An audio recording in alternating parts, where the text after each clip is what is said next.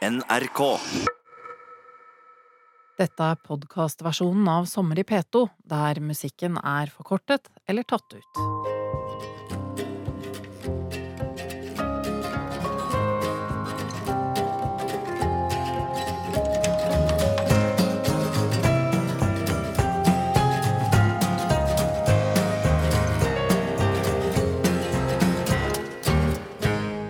Jeg befinner meg i en bil på vei fra Trondheim, og jeg kjører mot sørvest. Vi er fem voksne folk i mamma sin lille blå Seat på vei til Molde for å se en fotballkamp mellom Molde og Rosenborg. For oss som er Rosenborg-supportere, så er spent stemning fra første rundkjøring.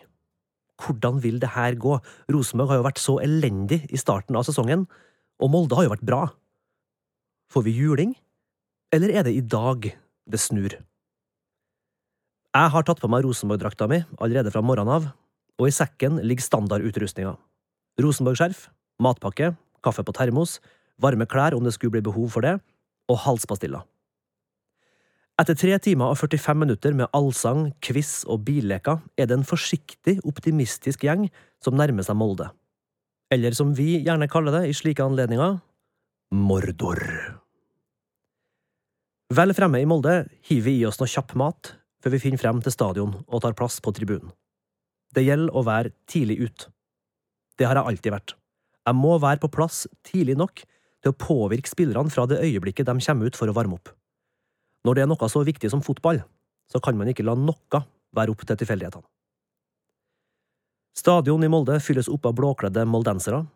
De virker rolig og gladspent, mens vi, i den svarte og hvite kroken av stadion, er avventende og stille.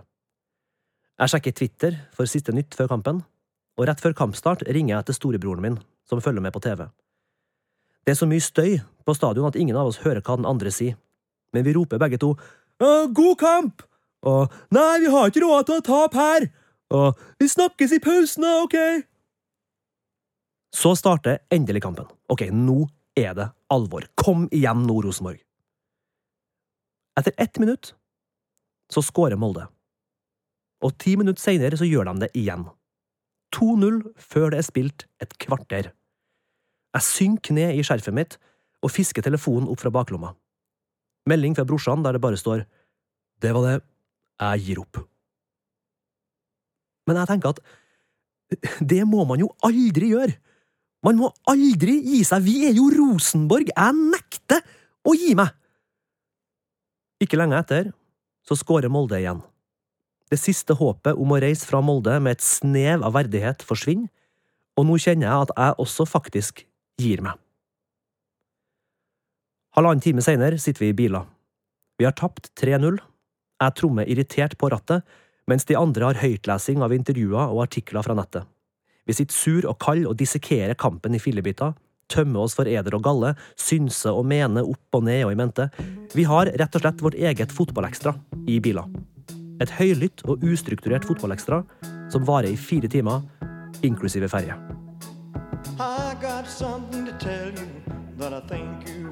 Know. That my eyes are on you, baby, since a long time ago. Now I finally got the nerve, and I'm gonna make my move. Now don't you try to turn. Når jeg skal se en fotballkamp, og være fysisk til stede der den spilles, er jeg alltid tidlig ut. Det er muligens en seinskade fra 1996. Jeg var 13 år, og mamma, storebroren min og meg flytta fra den lille øya Herøy på Helgelandskysten til det som føltes som verdensmetropolen Trondheim. Å gå fra en klasse med fem, fem elever i, til å gå på en skole med fem parallellklasser, med 30 elever i hver klasse, det var altså en så enorm overgang. Og jeg og brorsan sleit veldig med å passe inn, sjøl om vi prøvde alt. Vi prøvde å blende inn i klesveien med gensere det sto hiphop på. Vi prøvde en kort periode også å dra buksa langt ned og segge, sånn som de virkelig kule guttene på skolen.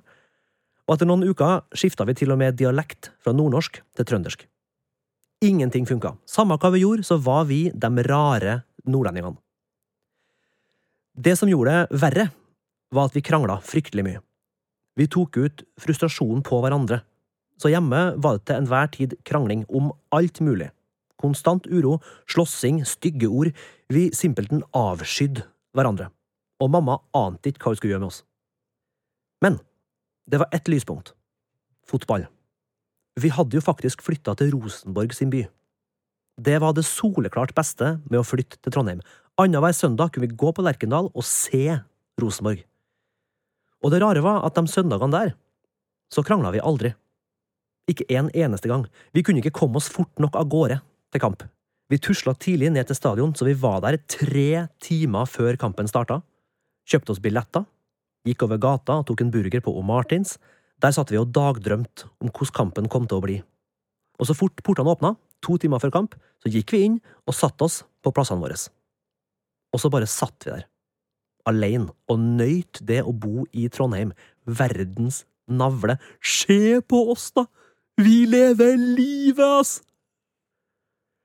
Underveis i kampen satt jeg og nistirra på hvert eneste spark på ballen for å ikke gå glipp av noen ting. Jeg prøvde aktivt å absorbere hvert eneste lille sanseinntrykk jeg kunne, og lagre det i hukommelsen min, så jeg kunne kose meg med det seinere. Denne tida så hadde mamma det ganske trangt med penger. Vi hadde svært lite å rute med. Men vi hadde på et eller annet vis alltid penger til å gå på kamp. Etter hvert skjønte jeg at dersom mamma mangla penger en søndag, så lånte hun av mormor, så vi alltid skulle ha penger til å gå på kamp, spise burger og ha litt til overs til brus og popkorn på kampen. Jeg tror mamma tenkte som så at det der, det bare måtte hun sørge for. At uansett hva, så skulle vi få ha den oasen som gjorde at de to kommende ukene på skolen, de to ukene frem til neste hjemmekamp, gikk litt lettere. Og jeg og broren min, vi snakka aldri om det da, men jeg tror nok at vi begge trengte de søndagene sårt. Så det var derfor vi var på Lerkendal, tre timer før kamp. Vi gjorde alt vi kunne for å få de dagene til å vare så lenge som overhodet mulig. Etter noen måneder så tok vi neste steg, og meldte oss inn i supportergruppa, Kjernen. Der sto det folk med tettis og ring i nesa og greier, ting som knapt nok fantes oppe på Lille Herøy. Så vi var ganske bleik om nebbet første gangen vi stilte oss der. Men det vi oppdaga med en gang, var at der var det ingen, ikke noen, som så på oss som de rare nordlendingene. Vi fylte det eneste kravet til å stå der. Vi elska Rosenborg, og plutselig var vi blitt vel så trøndersk som hvem som helst. Vi passa inn.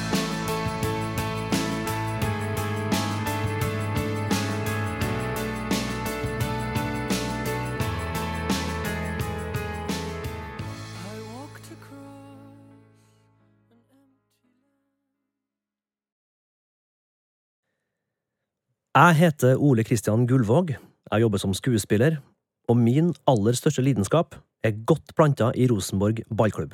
Men i denne Sommer i P2-timen har jeg slettes ikke bare tenkt å snakke om fotball, altså, men også om fellesskap, tilhørighet og ikke minst kjærlighet.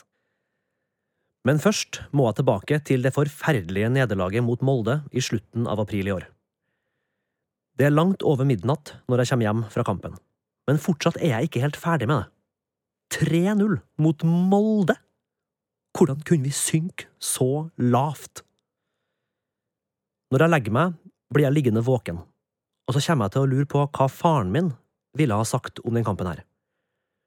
Han evna alltid å se fotballkamper i et større perspektiv, og det var ofte mye trøst å finne i det når man hadde tapt en kamp eller to. Pappa var fra Mo i Rana, så i utgangspunktet heia han på Bodø-Glimt, men han merka nok hvor mye det betydde for meg og brorsan da vi flytta til Trondheim, så han tuna seg fort inn på Rosenborg, han òg. Pappa og jeg pleide alltid å snakke mye i telefon i forbindelse med Rosenborg-kamper. Vi ringtes gjerne noen timer før og sammenligna magefølelser. Vi ringtes når lagoppstillingene var klar. Vi ringtes rett før kampstart. Vi melda litt i pausen, og vi snakka gjerne litt lenger etter kamp. Spesielt ei melding glemmer jeg aldri. Jeg var 20 år, jeg var ferdig på Romerike folkehøgskole og hadde nettopp flytta til Århus for å begynne på teaterskole. Søndagen før første skoledag spilte Rosenborg kamp mot Sogndal, en kamp jeg normalt sett ville ha fulgt med på. Men mange som jeg skulle begynne i klasse med, skulle akkurat denne kvelden på konsert med Åge Aleksandersen, så for en gangs skyld så lot jeg fotballen vike. Underveis i konserten hadde jeg fått med meg at kampen hadde endt 1-1 mot lille Sogndal, og det hadde irritert meg hele kvelden. Men da jeg kom hjem, så hørte jeg på beskjeden pappa hadde lagt igjen på svareren min. Hei, det var ganske fortjent at Sogndal utligna. Beste jeg har sett på lenge, av begge lag. Snakkes, glad i deg, pappa.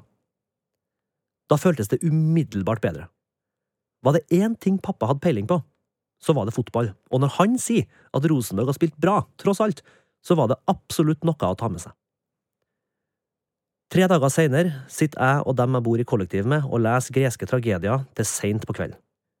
Vi var supergira over å ha begynt på teaterskole sammen.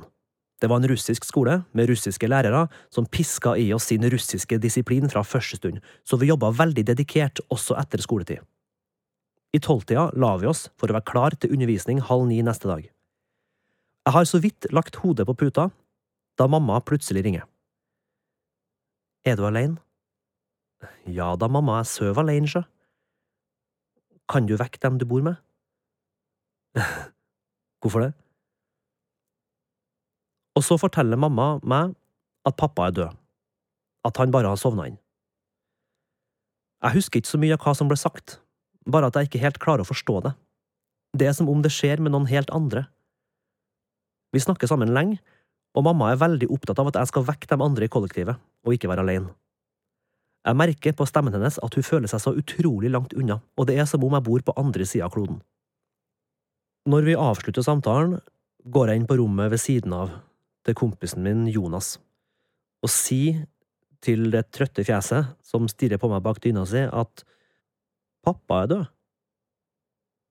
Og idet jeg hører meg sjøl si det, det er da det går opp for meg at det er sant. Det blir sant når jeg sier det men fortsatt så skjønner jeg ikke hvordan det kan stemme. Jeg hadde jo nettopp vært og besøkt den i Brønnøysund, sammen med kjæresten min fra folkehøgskolen. Vi hadde vært sammen hver kveld, spist middag, spilt gitar og sunget tostemt, og så plutselig så… så er han bare borte. De andre i kollektivet sitter opp med meg hele natta og trøster meg så godt de kan. Klokka fem er jeg så utmatta at jeg sier at jeg må få meg et par timers søvn for jeg har det helt klart for meg at på skolen, det skal jeg. Vi tar buss ned til skolen klokka åtte, og før undervisninga starter, så går jeg inn på kontoret til rektor og forteller at pappaen min har gått bort, og at jeg bare ville at han skulle vite det. Rektor lytter empatisk, på sin litt stille russiske måte. Det her russiske lynnet hadde satt seg i oss alle fra starten av. Det føltes veldig viktig å være en sånn som hadde den rette innstillinga, en som satt kunsten først, så jeg var, idiotisk nok, på skolen hver eneste dag. Jeg dro ganske enkelt ikke hjem. Men så fort jeg fikk vite dato for begravelsen, går jeg til rektor og forteller at jeg blir bort mandag til onsdag, men er tilbake torsdag. Og han ser på meg og sier at But uh, that is the week when the dean from Moscow is coming to work with you. Som om han venter at jeg skal si å ja, det stemmer, det kommer en russisk dekanus, ja, det er da det, ja. Jeg blir helt satt ut men stotrer frem at jeg, jeg må vel nesten reise lell. Og da jeg sier det, så bare mumler han noe på russisk, trekker på skuldrene og går sin vei. Og så bestiller jeg meg tur nordover.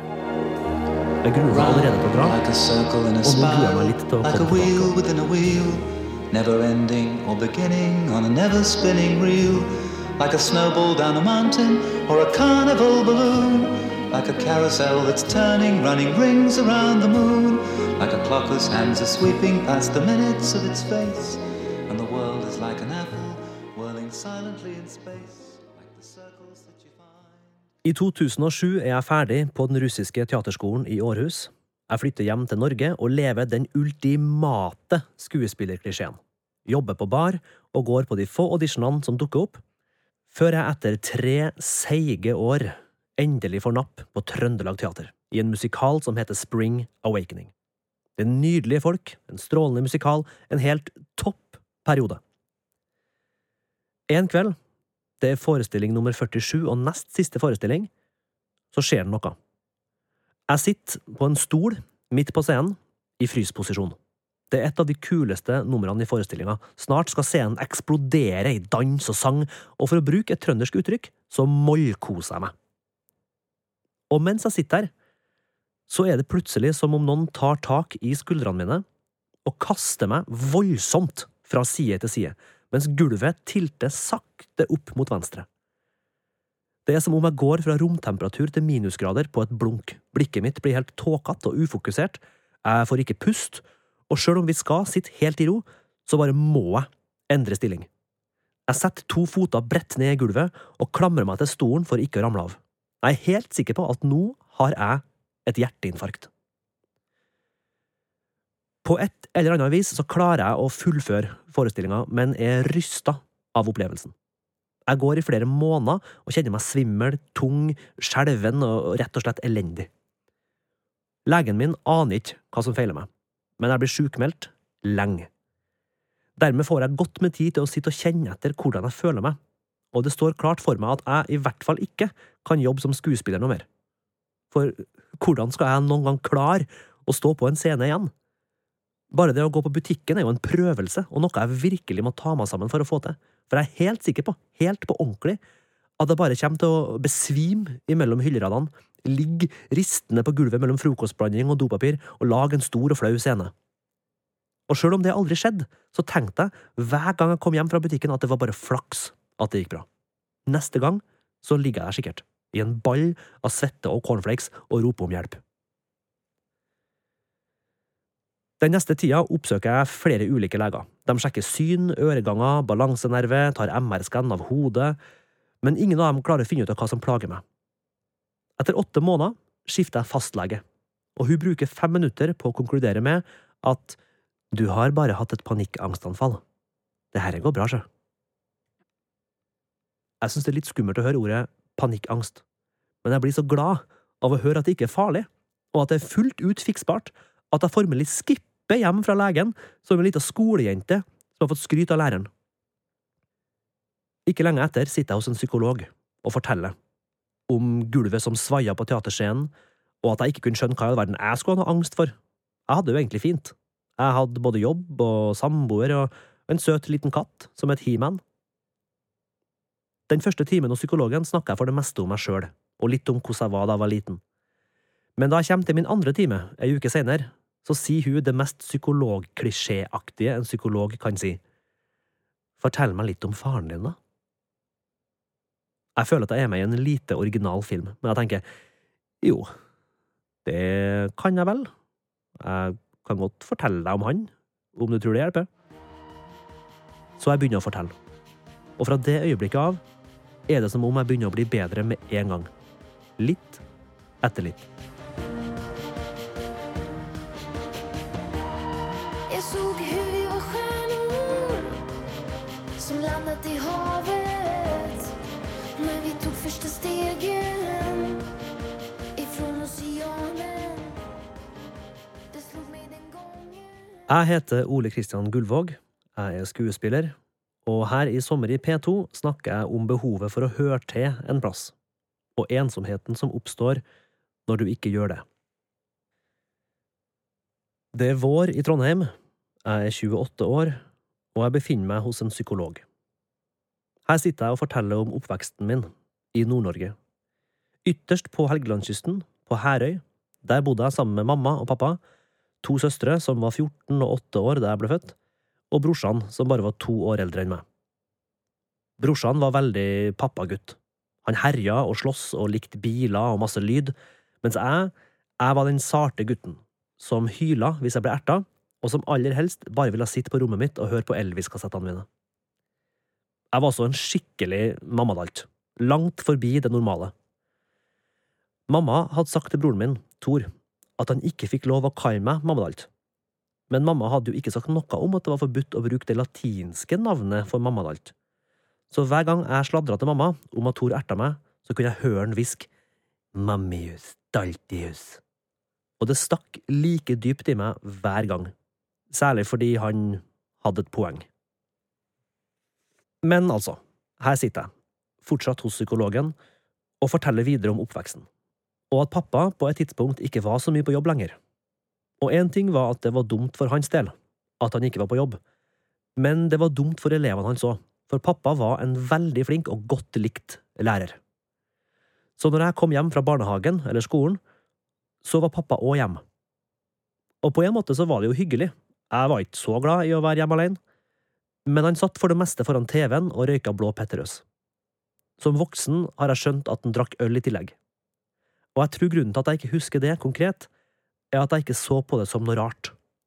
Det eneste forholdet jeg hadde til øl, var at man måtte være voksen for å drikke det. Og pappa var jo definitivt voksen, så ja, det måtte nå være greit. Plutselig er det ei julefeiring som står veldig klart for meg. Jeg er seks år, og pappa, han er ikke hjemme. Han skal feire i Brønnøysund med farmor og farfar. Og så er det noe annet som òg er veldig spesielt.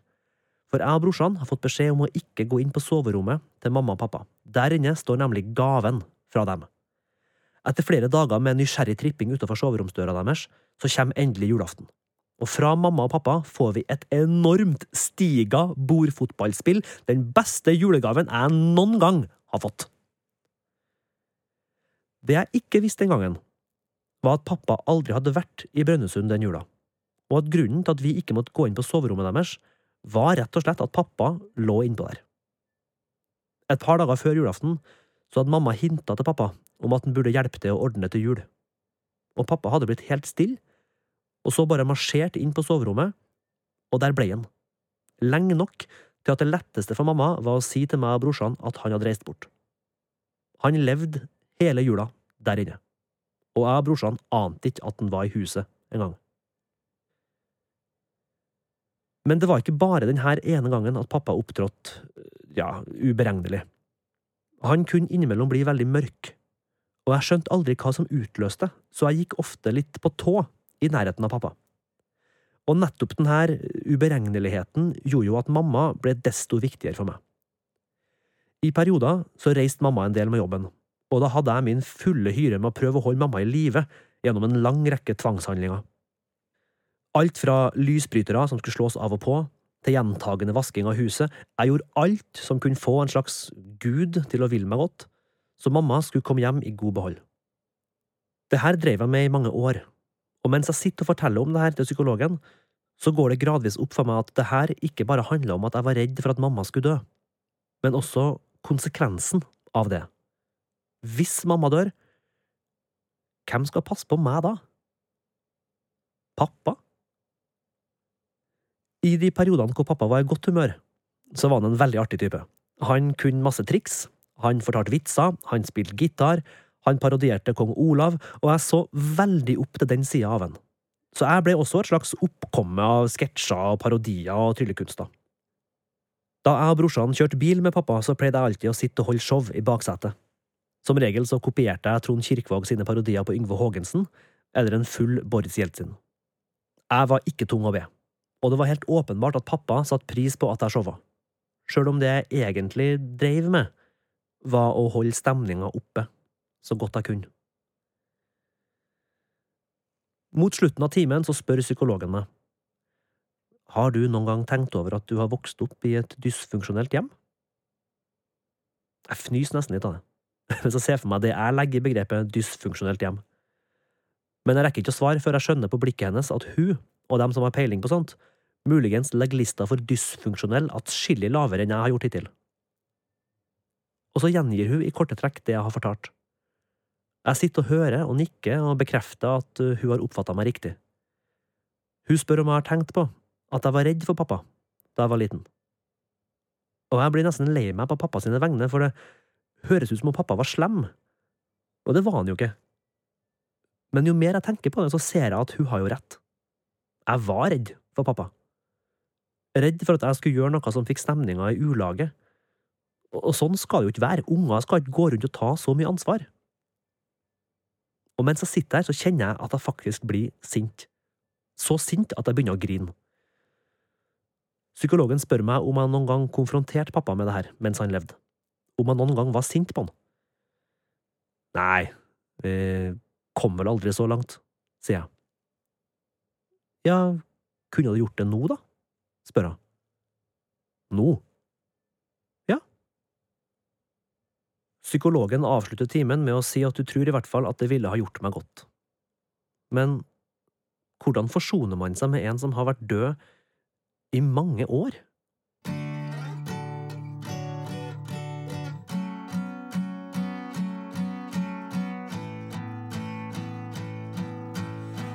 words are flowing out like endless rain into a paper cup. They slither while they pass, they slip away across the universe.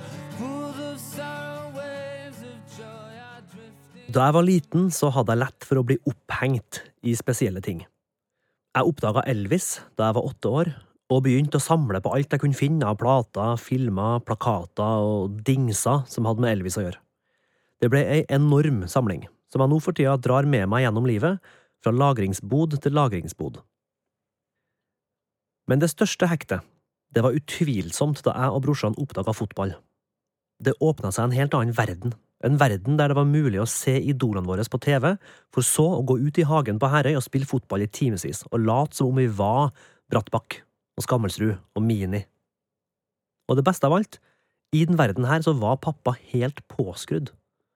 Han heia på oss, han stilte opp, han kom og så på treningene, han kom med tips om hvor vi måtte plassere oss i feltet for å være der ballen havna. Pappa var sjelden til stede på de anledningene man forventer at fedre skal være, men han var på en haug med fotballtreninger. Og det høres kanskje rart ut, men på en måte så skjønner jeg det, tror jeg. Jeg tror det var lettere for han å være en voksen på en arena han mestra. Når det kom til fotball, var det ingen tvil om pappas kompetanse. Det var hans felt. Og det ble raskt også vårt felt. Det at min egen familie var litt eh, dysfunksjonell på visse områder, rimer godt med min egen oppførsel. Det var nemlig ett hekt til jeg hadde. Jeg var veldig tidlig helt besatt av tanken på å få meg kjæreste. Ikke for å nusse, ikke for å dille og dalle, jeg skulle finne min livsredsager og holde sammen gjennom tykt og tynt. Jeg hadde vel på et eller annet nivå skjønt at skulle jeg ha en familie der alt glidde godt, så måtte jeg skape den sjøl. I klassen min på barneskolen var vi bare fem elever. Fire gutter og ei jente, Anita, som vi var forelska i, alle sammen. Jeg trodde i hvert fall det, og i tredje klasse så begynner jeg å kjenne tanken av at jeg har dårlig tid. Jeg ser ungdomsskolen komme snikende i det fjerne, jeg ser for meg flere gutter inn i klassen, gutter med kule klær og gelé i håret, så jeg må gjøre det en mann må gjøre. Jeg skriver en lapp til henne i norsktimen.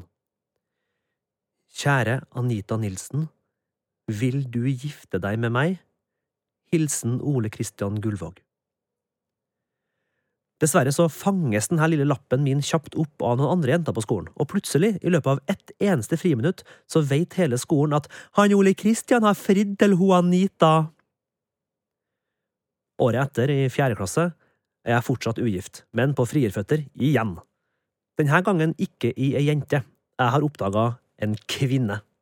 Jeg har sett håndball-VM på TV-en og falt pladask for hele Norges Cecilie Leganger. Jeg går inn i en massiv forelskelse, som inkluderer å få håndball til jul, endre karriereplanene mine fra å bli fotballproff til å bli håndballkeeper, som Cecilie. Jeg erstatter Elvis-plakatene på rommet mitt med utklipp av Cecilie Leganger over det hele. Sånn her holder jeg på, helt til jeg en kveld kjenner at om jeg ikke får ut fingeren nå, så kommer det en eller annen idiot med kule klær og gelé i håret og knabber rett foran øynene på meg. Så jeg bestemmer meg for å prøve igjen. Jeg låser meg inn på rommet mitt og skriver til Cecilie Leganger. Ikke en lapp, nå nei, jeg er blitt elleve nå. Jeg skriver brev. Et langt og utførlig brev der jeg forteller alt som er å vite om meg, og for at du ikke skal bli skremt av den store aldersforskjellen mellom oss, så plusser jeg på ett år på min egen alder. Jeg har tro på at sjansen øker som tolvåring. Jeg runder av brevet med et pompøst dikt som kulminerer i et frieri. Det var bare det at nok en gang så havna brevet i feil hender. Denne gangen var det brorsan. Og han så sitt snitt til å kopiere brevet i minst 15 kopier, og så brukte han det som utpressing i et halvt år, og innen da hadde hele forelskelsen gått over. Noen år seinere, på ungdomsskolen i Trondheim, tar det ikke lang tid før jeg forelsker meg i hun som jeg syns er den peneste jenta i klassen. Etter to år med å ikke få til å formulere ei eneste setning i hennes nærvær, så får jeg plutselig en dag øye på henne ute i skolegården, hvor hun står og kliner med en av de kule guttene. Kul i betydninga hadde bikka 160 cm og hadde fullført stemmeskiftet. Da gjør jeg noe jeg aldri har gjort før. Jeg skulker. Jeg går rett hjem, jeg legger meg under dyna, jeg setter på musikk som jeg vet jeg kommer til å grine av, for så hjerteknust som jeg er nå, nå trenger jeg bare å grine. Jeg setter på Michael Bolton. Jeg hulkesynger sammen med han How am I supposed to live without you when a man loves a woman Jeg ligger og vrir meg i hjertesorg. Helt til den fjerde låta kommer på. Den hvor Michael Bolton synger om det å reise seg etter en tøff opplevelse. Jeg ligger innbitt i senga og hører på versene før jeg reiser meg triumferende på refrenget og brølesynger at jeg, jeg skal komme meg på fotene igjen. Jeg nekter å gi meg. Jeg skal få det til en gang. Gonna break these chains around me. Gonna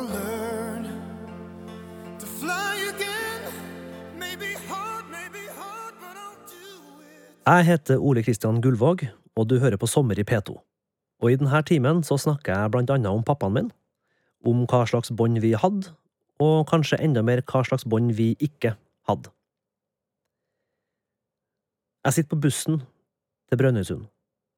Jeg skal opp dit for å besøke pappas grav, etter at psykologen min har sagt at det kan gjøre meg godt å få snakka ut med pappa, sjøl om han ikke lever lenger. Jeg er litt usikker på hvordan det rent praktisk skal foregå, men samtidig tenker jeg, hvorfor ikke prøve? Jeg bor hos tanta mi mens jeg er der, og jeg treffer masse familie som jeg ikke har møtt siden pappa sin begravelse. På den sida av familien så er vi ganske spredt ut, rent geografisk. Derfor treffes vi sjelden. Så det er bare utrolig hyggelig å se dem igjen.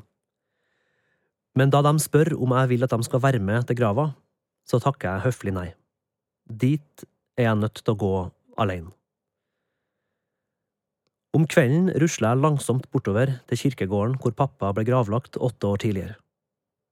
Jeg finner grava til pappa med en gang, og blir stående og se på den, litt på avstand først, og bare kjenne på hvor utrolig stille det er på kirkegården. Og i Brønnøysund. Og, ja, i Nord-Norge.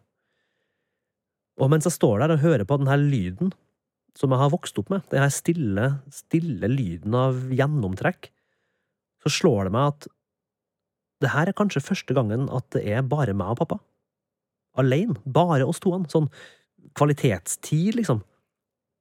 Det tror jeg ikke vi noen gang hadde mens han levde. Etter hvert setter jeg meg ned ved grava hans og begynner litt famlende å snakke. Det er vanskelig å finne ordene der jeg sitter.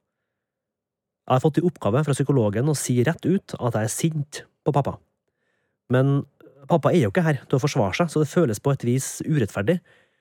Men samtidig kjenner jeg at mandatet psykologen har gitt meg, er godt begrunna. Så jeg begynner med å oppdatere pappa på hvordan jeg har det, hva jeg har gjort siden sist og sånn. Som egentlig er litt rart, siden hvis universet er skrudd sammen sånn at pappa hører det jeg sier nå, så er det vel også skrudd sammen sånn at han allerede vet det her. Men det føles godt likevel, det er et fint sted å starte.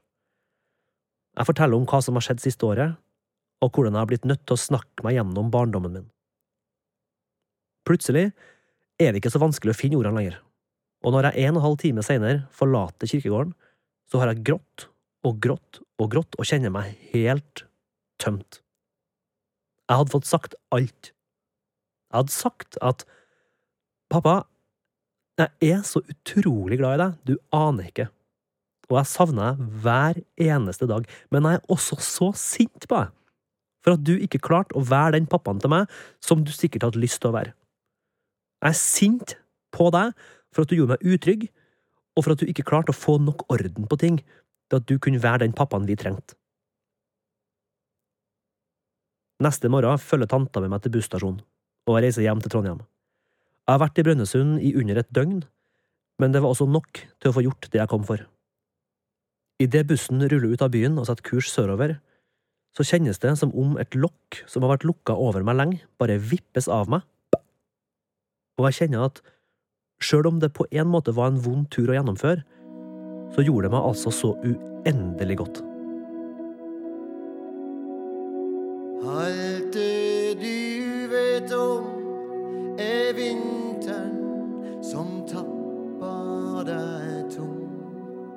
Og natta som vet den har vunnet.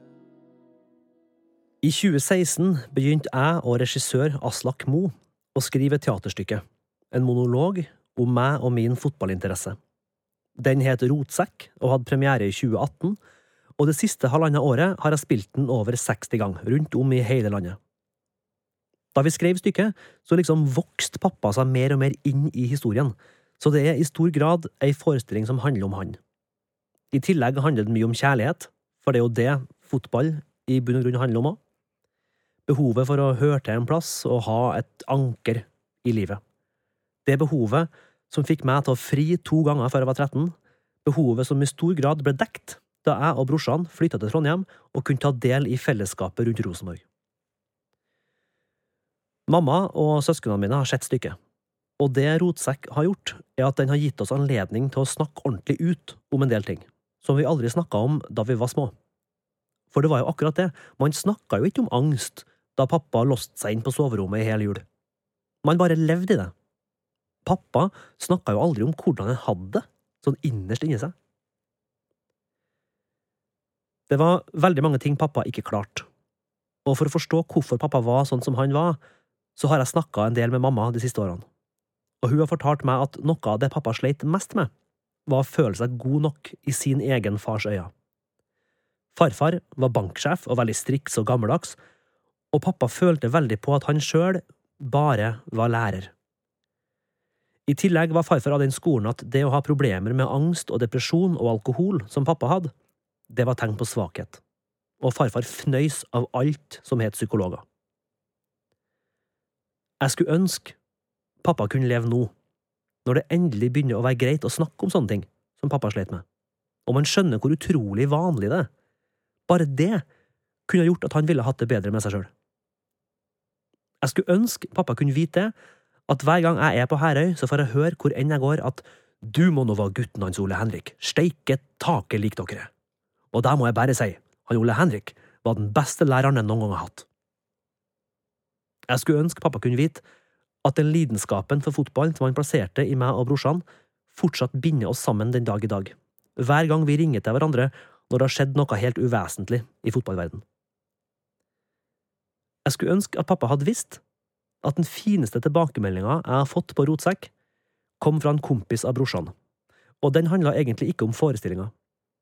Han fortalte at han hadde blitt så lei seg etter å ha sett stykket, fordi han kom til å tenke på at han sjøl har to voksne barn, og at sjøl om dem har et veldig godt forhold og ikke mangler noe, så kjente han en dyp sorg over at de ikke delte en sånn lidenskap som pappa gjorde med brorsan og meg.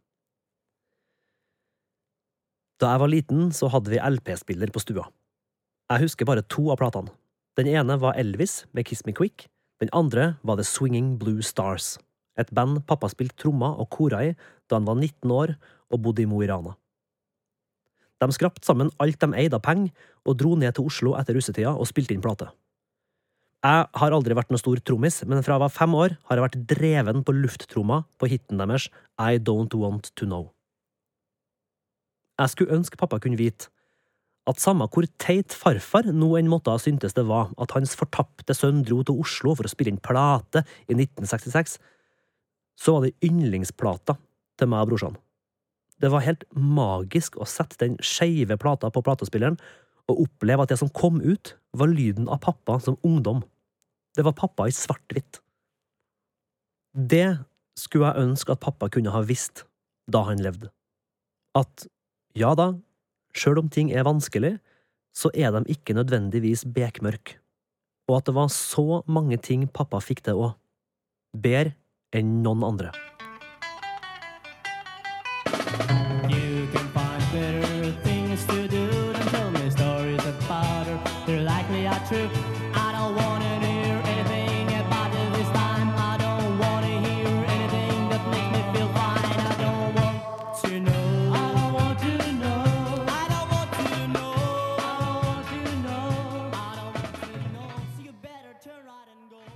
Her var podkastversjonen av Sommer i P2 med Ole Christian Gullvåg. Produsent og teknisk ansvarlig var Hanne Næss Tremoen. Du kan høre hele versjonen av programmet med musikk på NRK radio, på mobil, nettbrett eller PC. NRK.